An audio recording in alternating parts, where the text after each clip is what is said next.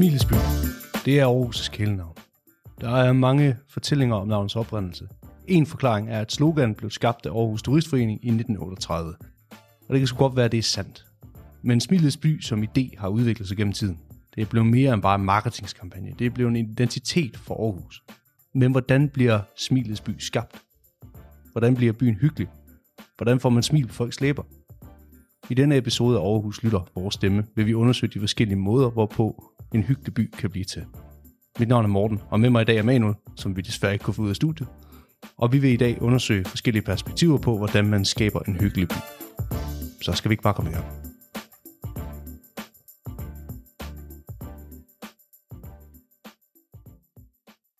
Så hvorfor er spørgsmålet om en hyggelig by så politisk relevant?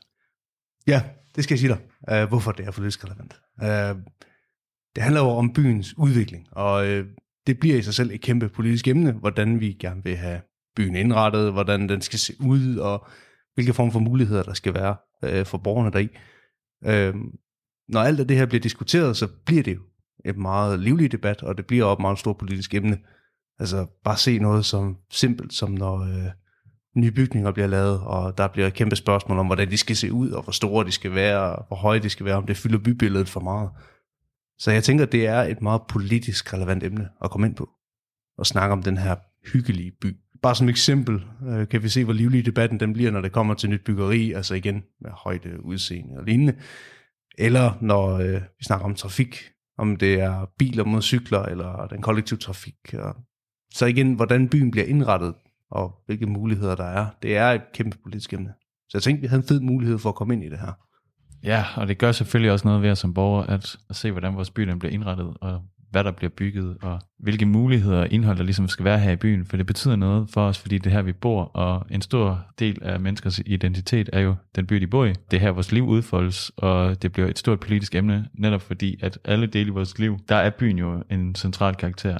Ja, og det er præcis tanken, der øh, gik mig videre til at tænke, at det kunne være fedt at tage nogle forskellige perspektiver på, hvad der skaber den her hyggelige, rare by. Fordi der er ufattelig mange perspektiver, og det kan sgu være lidt forvirrende, når alt bliver så subjektivt.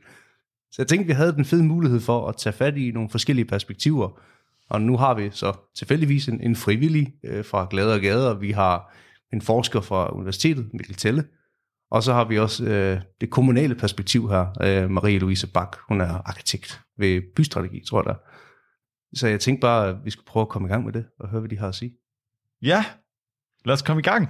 Jeg ved jo, at vores kære kollega Emilie har været op på universitetet, så skal vi ikke høre, hvad hun fandt ud af sammen med Mikkel Telle fra Institut for Kultur og Samfund.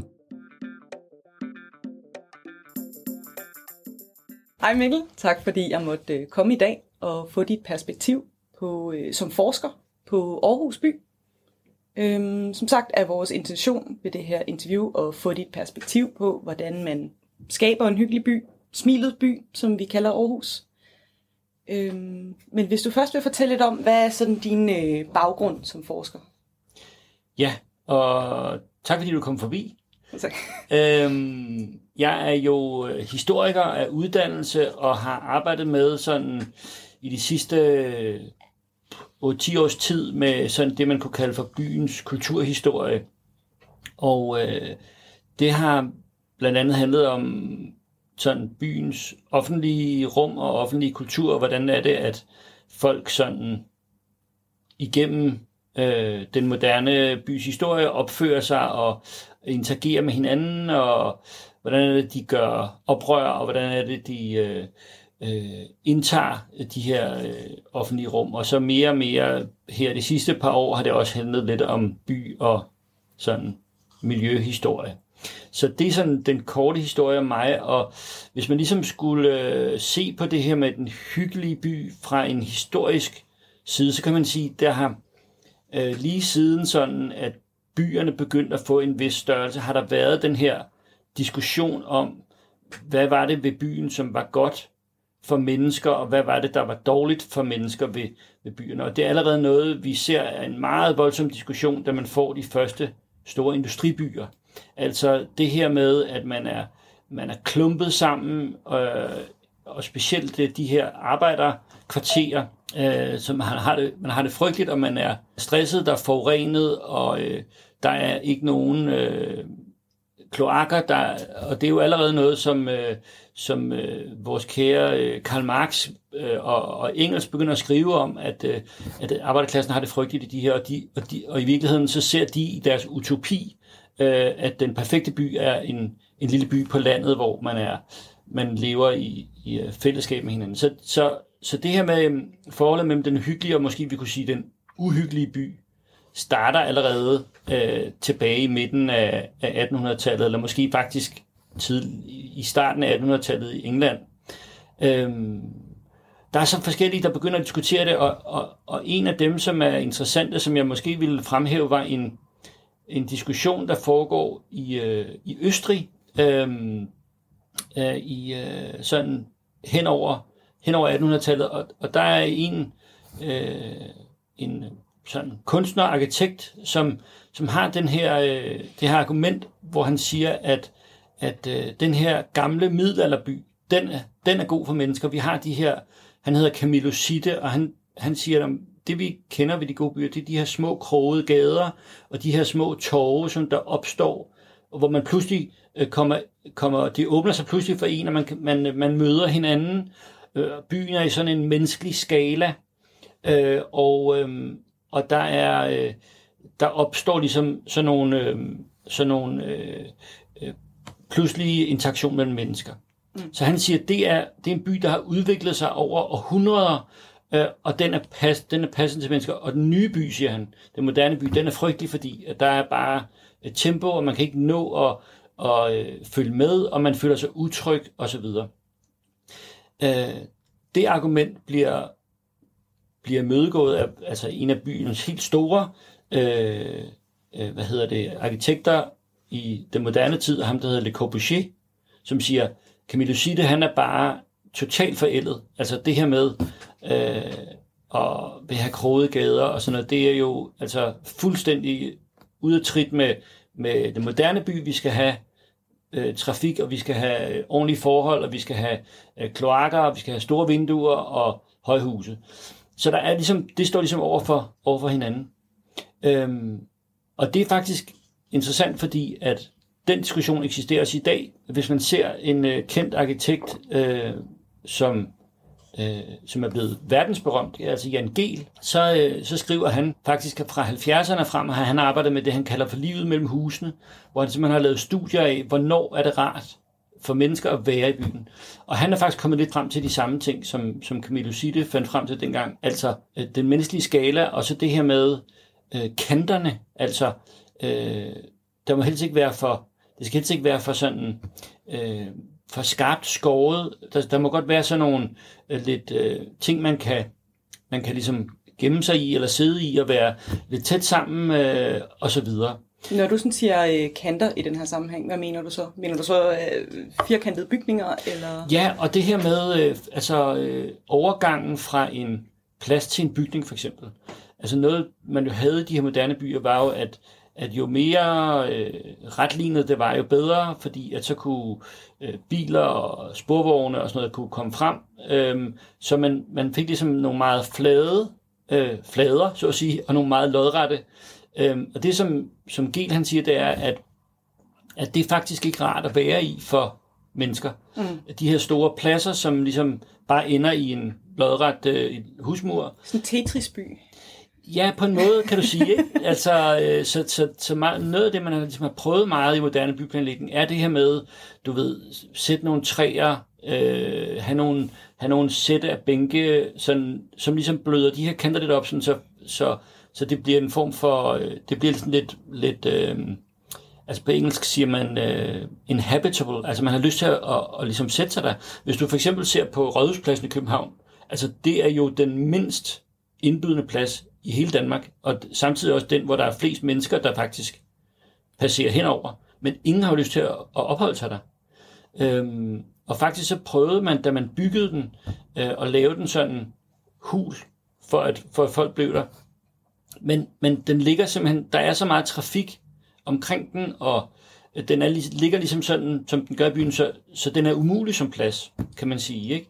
Nu er det blevet en lille smule bedre, fordi der kommer det træer netop, men, men altså, det, det er sådan det her med, hvordan pladsen og gaden og bygningen fungerer sammen. Det er, det er sådan en meget lang og central diskussion i det, man kunne kalde for den hyggelige by. Ja, men er det så, hvad skal man sige, kan det overhovedet lade sig gøre at gøre en meget stor og voksende by til en hyggelig by, eller er det bare sådan dømt til at være uh, uninhabitable, hvis man skulle bruge ja, det engelske udtryk? altså det, det er et, et rigtig godt spørgsmål, og man kan sige, at, at øh, i de store byer i Danmark, som jo øh, er øh, København, Aarhus, øh, Odense, øh, Aalborg, øh, og så er der ligesom en, en række derefter, som typisk er de, øh, de øh, østjyske byer, som ligesom størrelsesmæssigt kommer i lige efter der.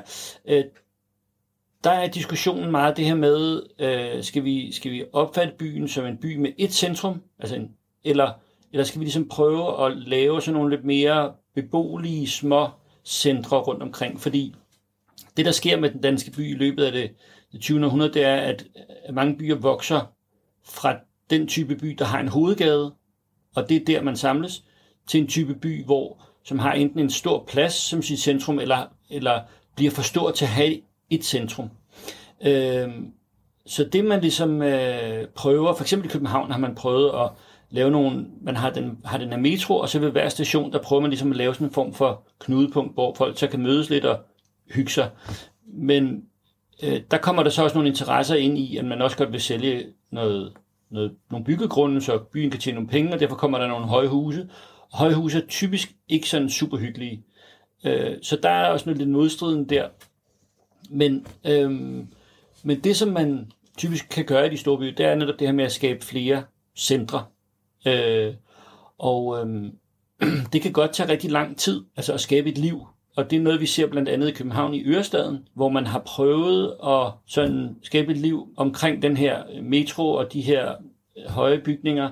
Og, man og det er også noget, som man kunne forestille sig at tage tid her i Aarhus Ø, hvor der jo også er lagt op til det, men, men det er ligesom om, at de her sådan måder, folk hygger sig på, de tager tid øh, at udvikle, øh, og det tager tid at finde ud af, at det her hjørne er et godt sted for en café. Vil folk gerne sidde her og kigge på vandet, eller vil de faktisk ikke? Øh, altså man har også prøvet i i Malmø har man lavet et, øh, et, øh, noget, der hedder Vestre Hamnen, altså ude på havnen, hvor man har lavet sådan en masse små huse, som egentlig burde være hyggelige, men i mange år var det, øh, var det simpelthen for vindblæst. Altså der var, der var simpelthen ikke, øh, der var simpelthen ikke læ.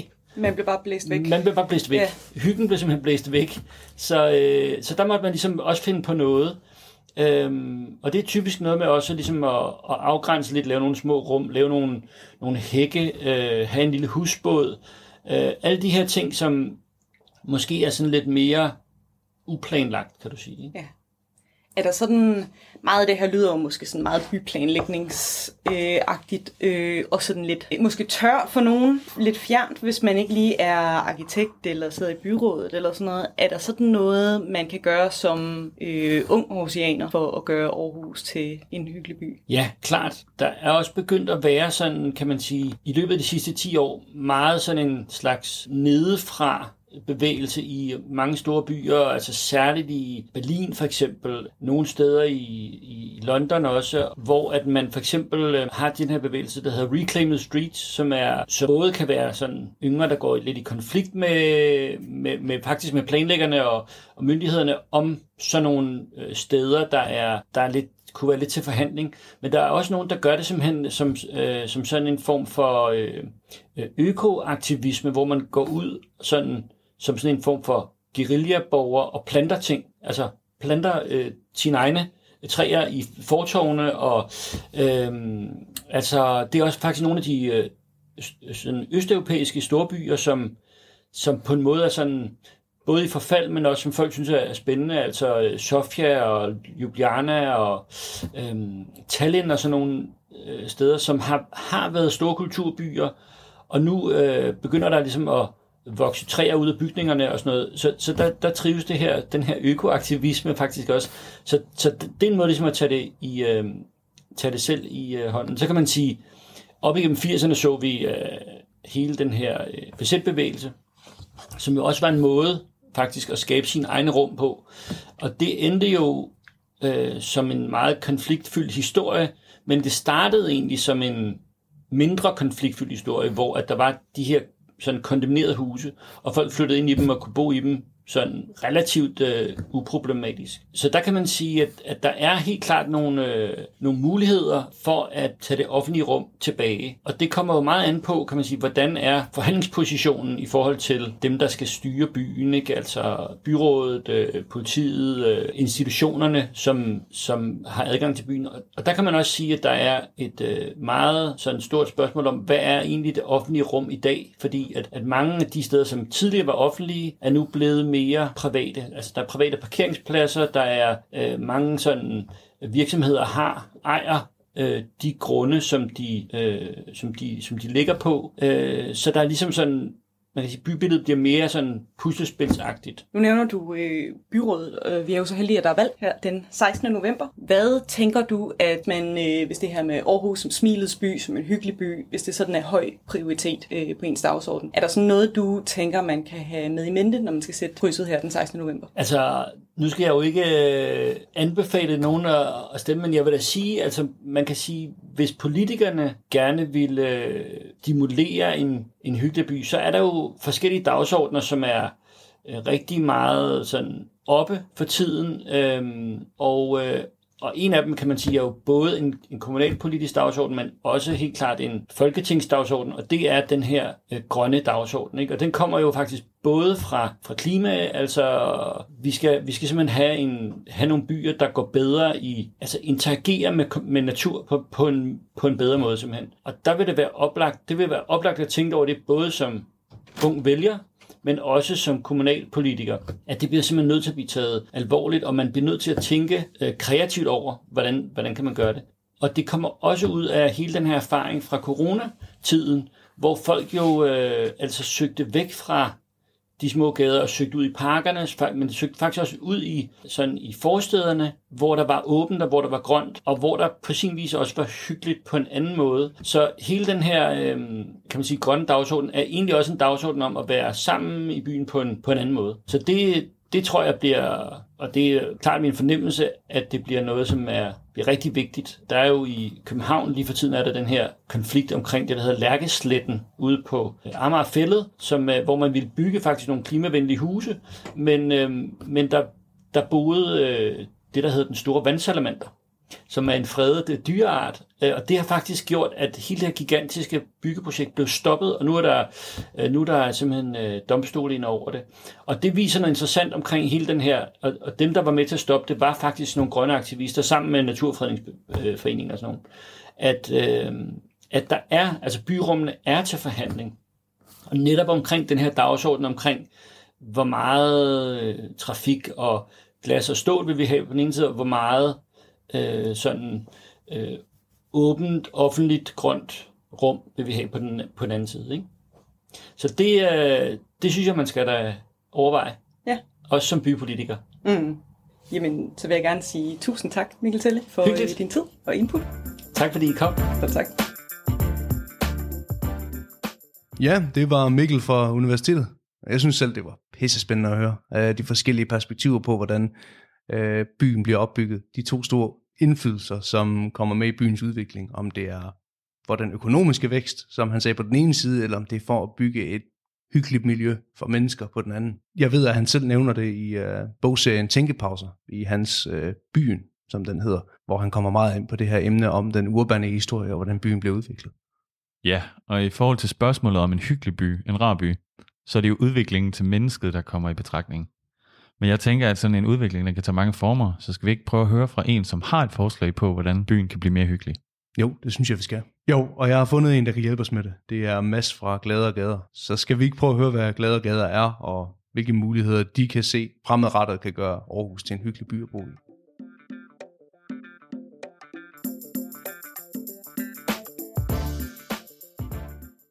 Velkommen, Mads. Ja, og tak, tak, fordi, du ja, tak fordi du vil øh, komme ind til interview her og snakke lidt om glæder og gader, og hvad jeres idé er om at skabe en hyggelig by her Ja. i Aarhus. Smilets by, hvis man kan Ja. kalde det. Ja.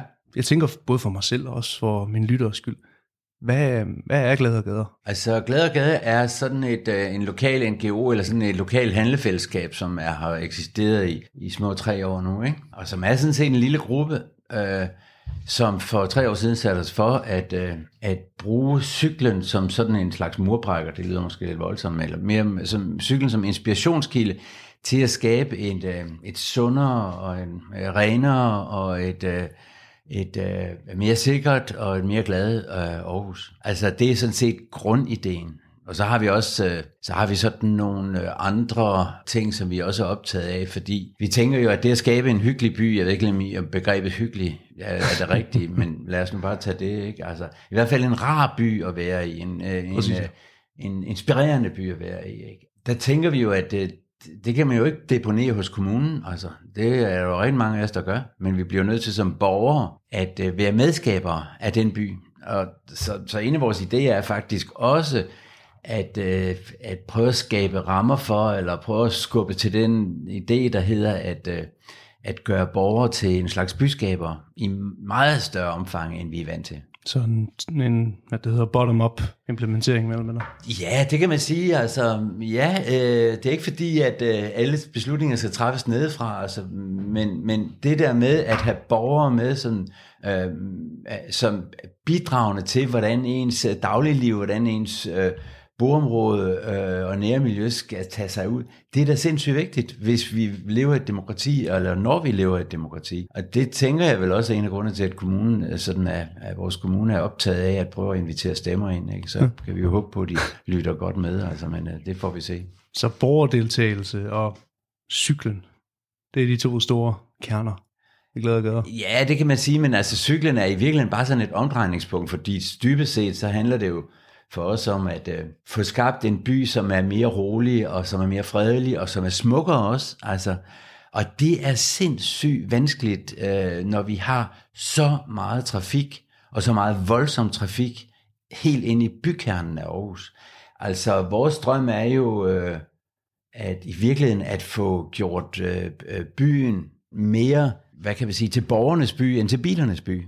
Altså, okay. vi vil vi er helt med på, at der er behov for, at, øh, at øh, der skal øh, leveres varer ind, eller, og folk skal kunne transportere sig ind til arbejde og sådan noget. Men det behøver ikke nødvendigvis at være med en bil. Det kunne være cyklen.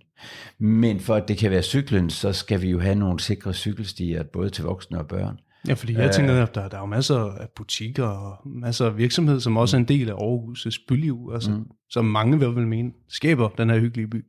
Jeg tror, der er mange, der vil savne, hvis man ikke kunne få tøj ned på torvet, eller kaffe i Starbucks. Jamen det er interessant det der billede, fordi det har jeg jo hørt tit, det der argument om, at uh, jamen, hvis vi gør byen til en bilfri by, eller i hvert fald der træder trafikken ud af den, hvad bliver der så alt forretningslivet? Ikke? Ja.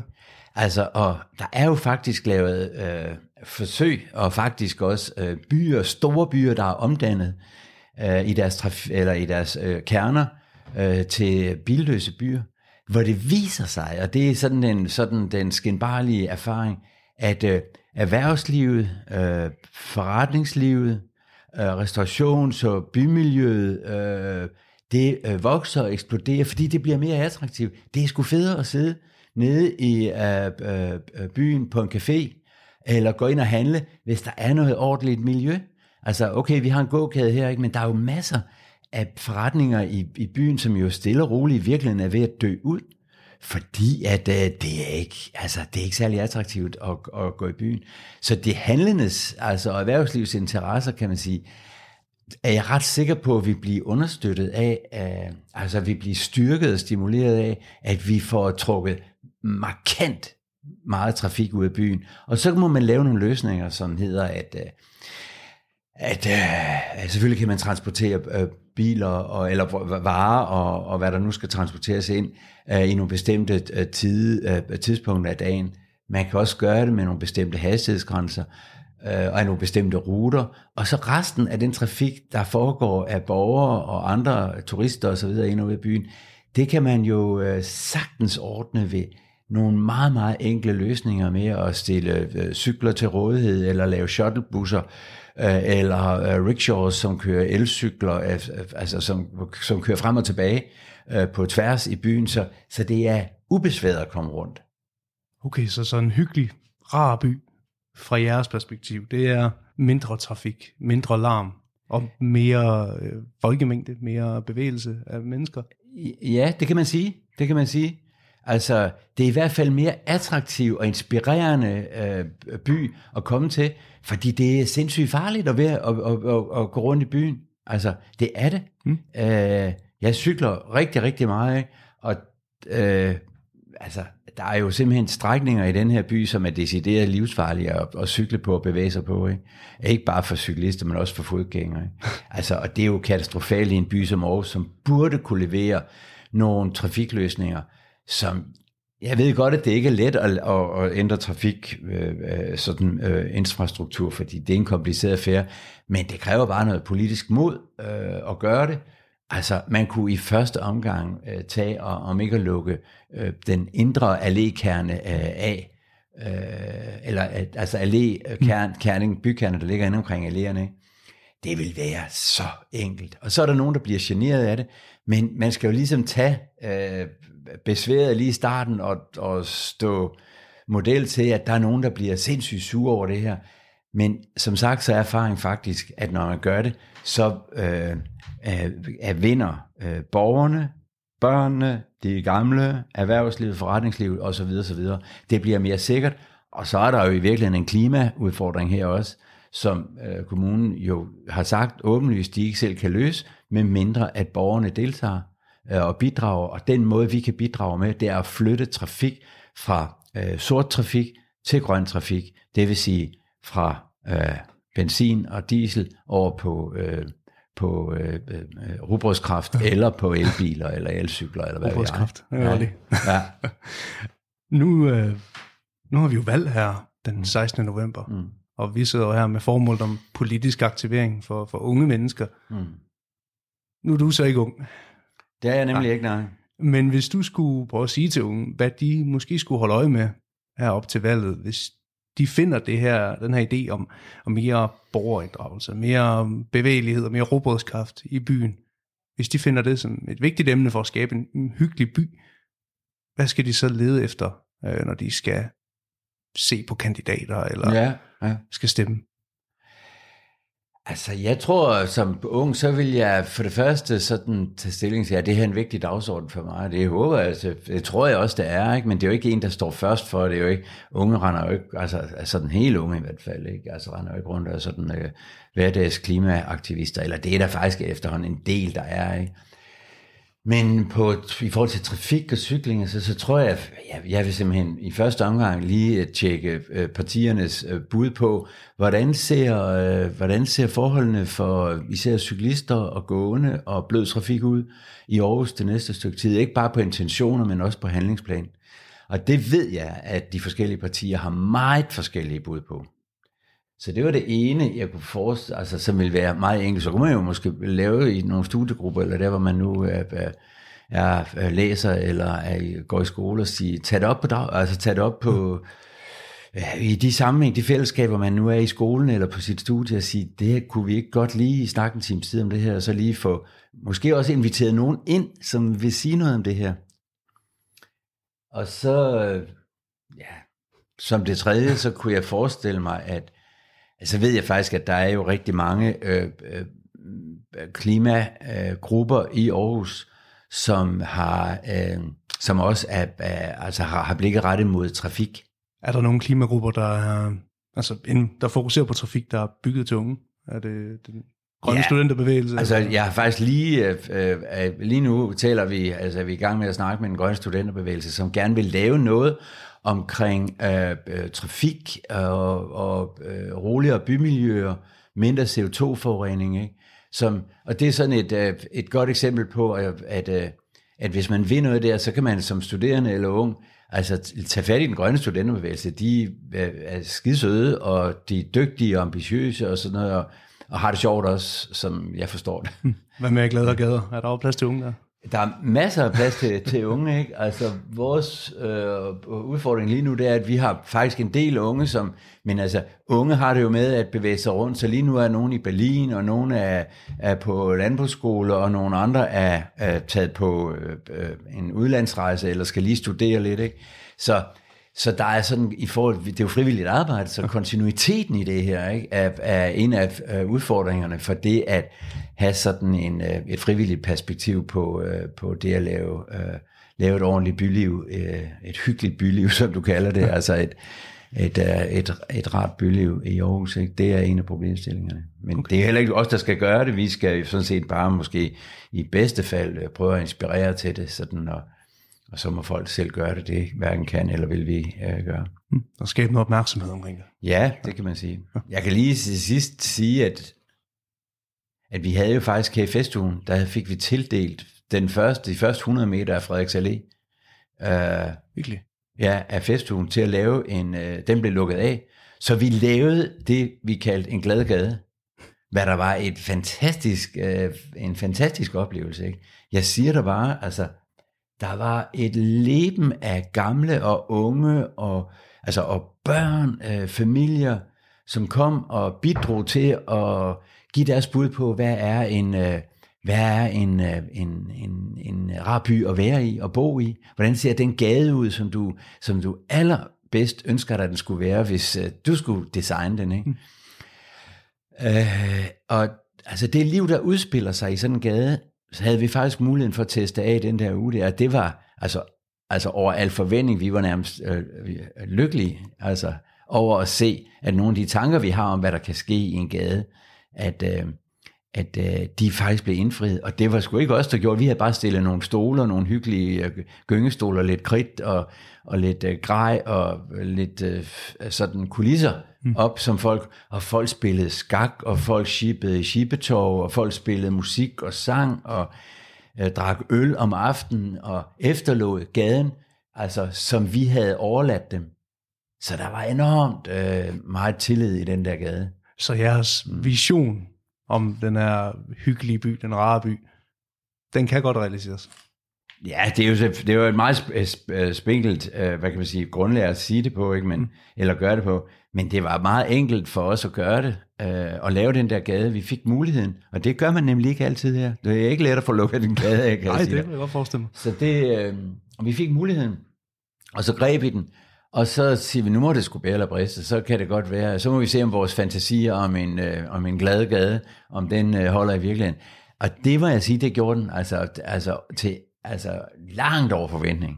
Vi var nærmest, øh, altså, altså vi var vældig begejstrede over alle de der sådan øh, skønne dagligdags oplevelser, vi havde med folk, der bare nød at have ro, øh, med at sidde ude på asfalten og sidde og snakke med øh, sine gode venner, eller bare sidde og slappe af og drikke en øl, eller en cola, eller en kop kaffe, og øh, familier, der landede med deres børn, de skulle lige have en pause, som så kunne øh, gynge på en gyngehest, og hvad, de nu, hvad der nu havde, øh, var rådighed.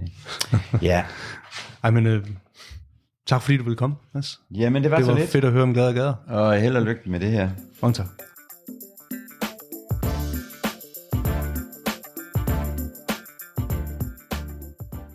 Og det var Mads fra Glade Gader. Hvis du synes, at Glade Gader er et fedt initiativ, hvor man virkelig kan være med til at udvikle Aarhus i en hyggelig retning, det synes jeg i hvert fald selv, så synes jeg endelig, du skal gå ind på Facebook og finde dem der, eller bare- bare google dem og se, hvad du finder. Øh, Som Mads han også sagde, så er der masser af plads til øh, nogle unge mennesker øh, i deres lille gruppe. Ja, og så gav han også nogle rigtig gode punkter i forhold til valget. At man ligesom kan se politikernes attitude til bylivet i deres politik. Mm. Og her vil jeg også gerne selv tilføje, at man også kan skrive til politikerne, ligesom for at lade dem høre, hvad man rent faktisk føler. Fordi det er fint nok, at man går og brokker sig i sin vennegruppe og sådan noget, men øh, det er Ja, sgu det- bedre at brokke sig til nogen, der måske kan blive lidt irriteret og gøre en forskel. Ja, forhåbentlig. Men, øh, men nu til det kommunale perspektiv. Emilie har igen været på jagt, og hun har fanget arkitekt Marie-Louise Bak fra bystrategisafdelingen her i kommunen. Marie-Louise har vist en del at sige om arealudvikling på det kommunale plan, med formålet at skabe en hyggelig by for os her i Aarhus. Så skal vi ikke bare høre hende. Lad os gøre det.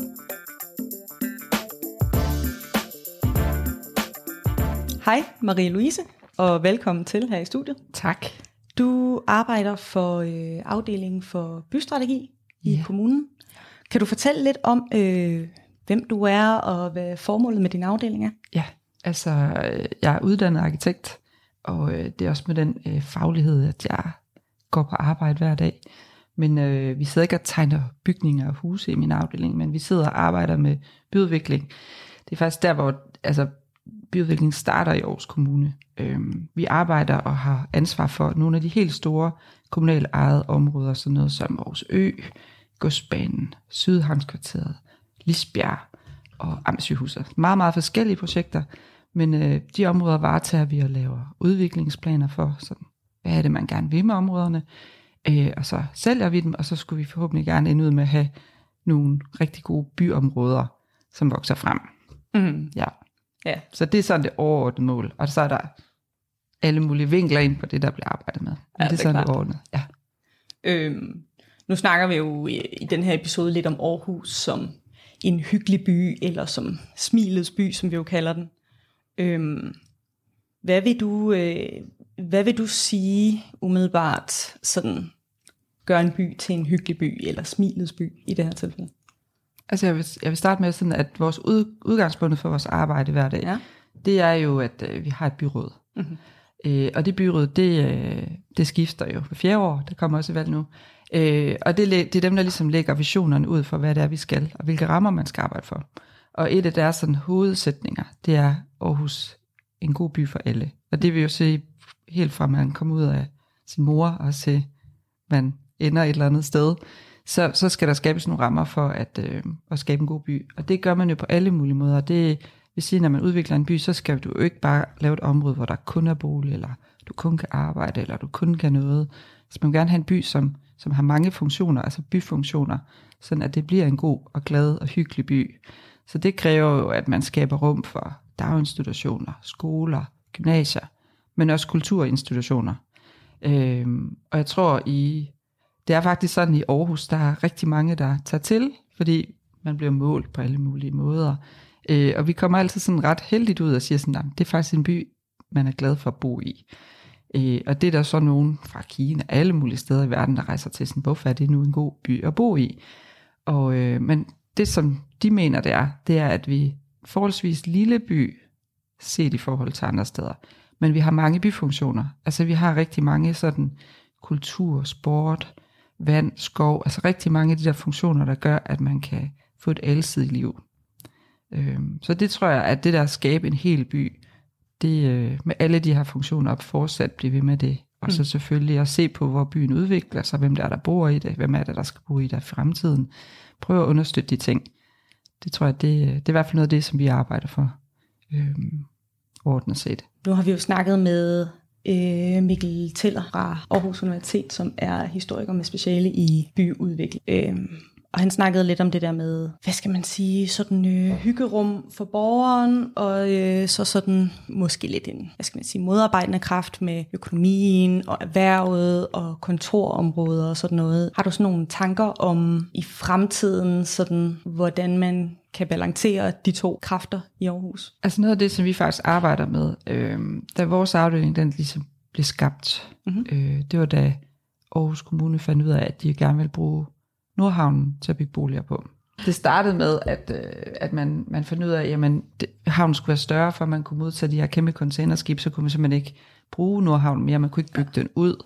Så, den, så hvis man skulle blive ved med at oprette det erhverv i Aarhus, så, så skulle man øh, bygge by, eller hvad hedder det, bygge ny industrihavn, containerhavn sydpå, at det ville, give mening. Og det vil sige, så var der jo et område, som man kunne udnytte til at bygge by på. Det, det kombineret med, at vi jo hver år har rigtig mange nye borgere. Jeg tror, det ligger sådan mellem, det har ligget mellem 4 og 5.000 de sidste 10 år. Øh, der er, det er både tilflyttere, men det er også folk, der bliver født øh, ind i byen. Øh, så de skal jo bo et sted. Altså, vi har også brug for, at der bliver bygget nye boliger. Da man startede den der udvikling, så, så blev der jo lavet nogle helhedsplaner, at her skal der være nogle store øh, felter, hvor der skal bygges osv. Men faktisk ret hurtigt, så begyndte vi at arbejde sammen med nogle af dem, som skulle bygge, med at sige, at der skal være nogle bylivsfunktioner. Så det var den måde, at strandbaren, og det ved jeg ikke, om du kan huske, det er et par, to-tre år siden, at den blev taget ned, men den har faktisk overlevet i rigtig lang tid. Den startede der, hvor det første byggeri blev bygget. Det vil sige for at trække folk ud, at der var en attraktion og sige sådan, hey, der sker noget her, vi skal begynde at lave by. Øh, men det kræver, at der er et eller andet at tage dig ud for. Så det var sådan et sted, hvor der blev dyrket yoga, og der var en volley, beachvolleybane, og man kunne købe noget at drikke. Og, altså, så der kom sådan ligesom et miljø omkring det. Det er også det, der er sket nede på Bassin 7. Jamen, det er et sted, hvor der skal være fremtidige restauranter og byliv. Og øh, så dem, der bygger dernede, jamen dem har vi så sammen understøttet, at jamen, der skal selvfølgelig øh, kunne skabe det. De, de fik øh, et opdrag omkring, at I skal ikke kun bygge boliger, når I planlægger det her område, der skal også være noget byliv. Så, så fandt de på, at der kunne være et havnebad, kunne være restauranter, flere forskellige ting. Så det er et træk, vi prøver at arbejde med at lægge ind. Og det er meget forskelligt, hvilket udviklingsområde det er. Altså Aarhus Ø, det er én ting. Og så har vi noget i Lisbjerg, det er jo noget helt andet. Der bygger man på en bar mark, man har en landsby, og det skal ud med, at der bor 25.000, mm. og det startede med 800.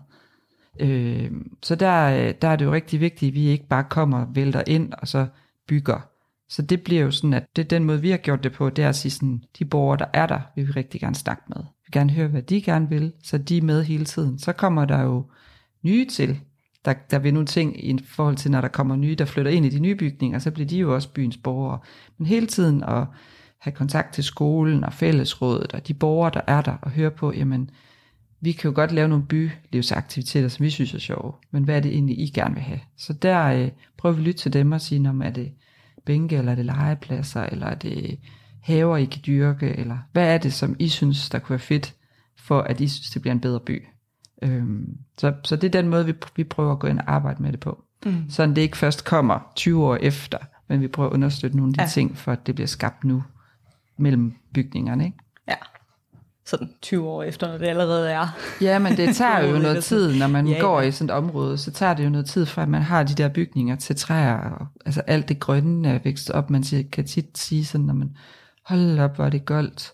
Men det tager bare noget tid, det har det også gjort i den gamle by, da det blev bygget. Ja. Det har også taget noget tid, før træerne de bliver store, og før der kom masser af bænke, og altså, det tager noget tid, før det der liv, det, det mm. ligesom spiger frem. Men derfor kan man godt lave noget, som understøtter det nu, ja. som så bliver overtaget noget, der er mere permanent. Nu er der jo valg her den 16. november. Hvis nu man som, øh, som ung person i Aarhus synes, at det er en høj prioritet, det her med byudvikling og en hyggelig by, en by for alle, øh, har du sådan nogle øh, bud på, hvad man, øh, hvad man kan have med i mente, når man stiller sig ind i stemmeboksen?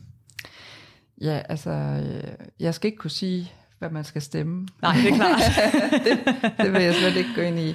Men altså, jeg kan i hvert fald sige, at jeg synes, man skal stille sig derind. Og så synes jeg, at man skal prøve ved, hvad der nu er af muligheder for at undersøge inden. For det er klart, at jeg kan godt forstå, at det er rigtig svært, hvor man skal sætte sådan en kryds. Det, øh, det har ikke lige så meget mediebevågenhed, som et folketingsvalg har. Øh, men det er jo mindst lige så vigtigt som borger i en by og ung i en by, hvor det er, de der kryds bliver sat. Så jeg synes, man skal stille sig derind, og inden man stiller sig derind, så synes jeg, man skal prøve at se, altså måske forlange, at man tager det op hen på gymnasiet, eller hvor det er nu hen, man, man har sin daglige gænge, og forlange, at øh, man får nogle snakker omkring det, hvad forskellen er.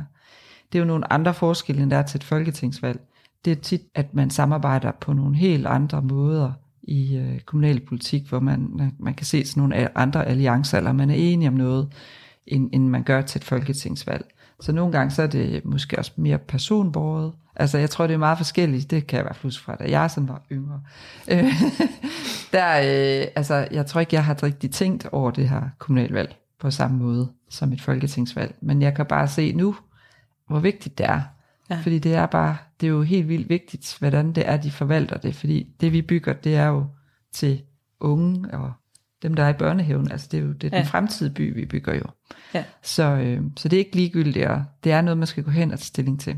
Så jeg synes, det, det er enormt vigtigt, at man, man prøver at øh, skabe en eller anden form for, for viden, inden man går derind. Mm. Noget, nu er det jo lidt tæt på, men man kunne måske arbejde med det ind til næste valg. Det er det der med, at der er jo rigtig kæmpe muligheder for, at man kan arbejde frivilligt ind i alt muligt. Øh, også i kommunal regi. Altså hvor man også kan få et indblik i, jamen, hvordan er det den her maskinen den arbejder, og hvad er det egentlig, det betyder, når man bygger noget? Hvad, nu, nu kommer der en masse boliger, så kan man jo synes noget om det, ikke? men hvad, hvorfor er det egentlig, de kommer? Så hele den der grundfortælling, tror jeg, mm. er rigtig fed at få, øh, som også kan se, det faktisk er til dem, man bygger. Ja. Øh, altså vi, vi laver jo masser af ting, også for unge, øh, op på Amtssygehuset, som jo var hospital indtil 19. Der øh, har unge kulturhuset kommet op og være altså der prøver vi også at understøtte dem i alle mulige ting, og se, hvordan er det, man får en fremtidig øh, hvad hedder det, funktioner ind i, i sådan nogle områder, som også kan understøtte unge. Sådan at det ikke bliver områder, som er for den ene eller den anden aldersgruppe, så, så vil vi gerne arbejde for det også en blandet by, at der også er plads til det segment, hvor jeg tror nogle gange kan unge godt føle, at de bliver glemt nogle steder. Mm. Men, øh, Men det, det synes jeg egentlig, vi prøver at omfavne ret meget, at det skal være en by for alle, der bliver bygget. Gør det så en forskel, sådan, afhængig af hvordan stemmerne sådan falder til et kommunalvalg? Gør det en forskel på jeres arbejde? Ja, det gør en rigtig stor forskel. Men jeg kan ikke sige, at det gør en forskel i forhold til, hvilket parti der er lige, men det gør en forskel, fordi at øh, det stemmerne, hvordan de bliver fordelt, det er jo også den måde, øh, systemet er jo sådan, at man øh, har nogle magistratsafdelinger, hvor der er en rådmand på hver post. Øh, og de bliver fordelt efter, hvor mange stemmer en rådmand får. Øh, så det er jo selvfølgelig rigtig vigtigt, hvem det er, der står i spidsen, fordi rådmanden, det er jo min øverste chef. Hans job, det er jo at lægge en linje for, hvad skal teknik og miljø, det er den magistratsafdeling, jeg sidder i. Hvad, hvad, hvad er det, han vil prioritere? Hvordan er det, vi arbejder med opgaverne, øh, inden de skal op til byrådet? For det er jo i sidste ende altid byrådet, der skal beslutte det. Men så det er jo lidt, jamen, øh, hvordan vinkler man lige projektet, inden det kommer op? Så det er enormt vigtigt. Øh, jeg har siddet i kommunen siden 12, så jeg har, har hvad hedder det, haft tre forskellige rådmænd. Så var der en, der var lige på barsel, så der var en lille vikar. Øh, og det der skifte, det kan være rigtig stort i forhold til, hvilket parti der sidder. Og så er det selvfølgelig også meget personbåret, hvilken mand eller kvinde, som øh, har rødmandsposten. Så det betyder jo rigtig meget. Men altså, det er jo ikke anderledes, end når man sidder i en privat virksomhed, så har man jo også en direktør, der der gør det også en ikke? forskel, hvem der er Der gør direktør. det også en forskel, ikke? Altså, det er jo, den øverste ledelse er jo den, der skaber en retning for, hvordan... Ja, det er klart. Øh, ja, så det er rigtig vigtigt. Ja, Ja. Mm. Jamen, øh, jeg siger tusind tak Det var for så øh, lidt. din indsigt. Ja.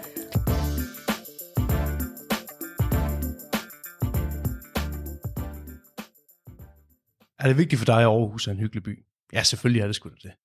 Så husk nu at bruge din stemme. Her den 16. november, der har vi igen kommunal- og regionsrådsvalg, og der har du den bedste mulighed for at sætte dit præg på, hvordan Aarhus som by bør være. Og hvordan den bliver hyggelig i dine øjne, eller Mikkels, eller Masses, eller byrådet, eller Marie-Louises. Det, det er forskelligt. Men det er, hvordan du kan sætte dit præg igen. Så kom i gang, gå ind og tjek kandidaterne, se lidt på de her valgplakater, de har fået hængt op over det hele. Google, hvad, Google den, du synes er sjovest ud. Så gå ind på alting og, og få lavet den der kandidattest, og se om du faktisk er enig med, hvad testen siger om dig. Din stemme bliver kun hørt, hvis du bruger den.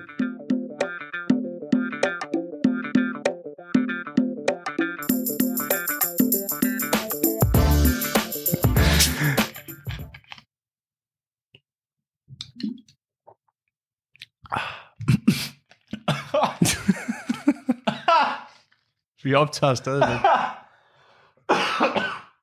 Hold da kæft. Okay, skal jeg rykke ind?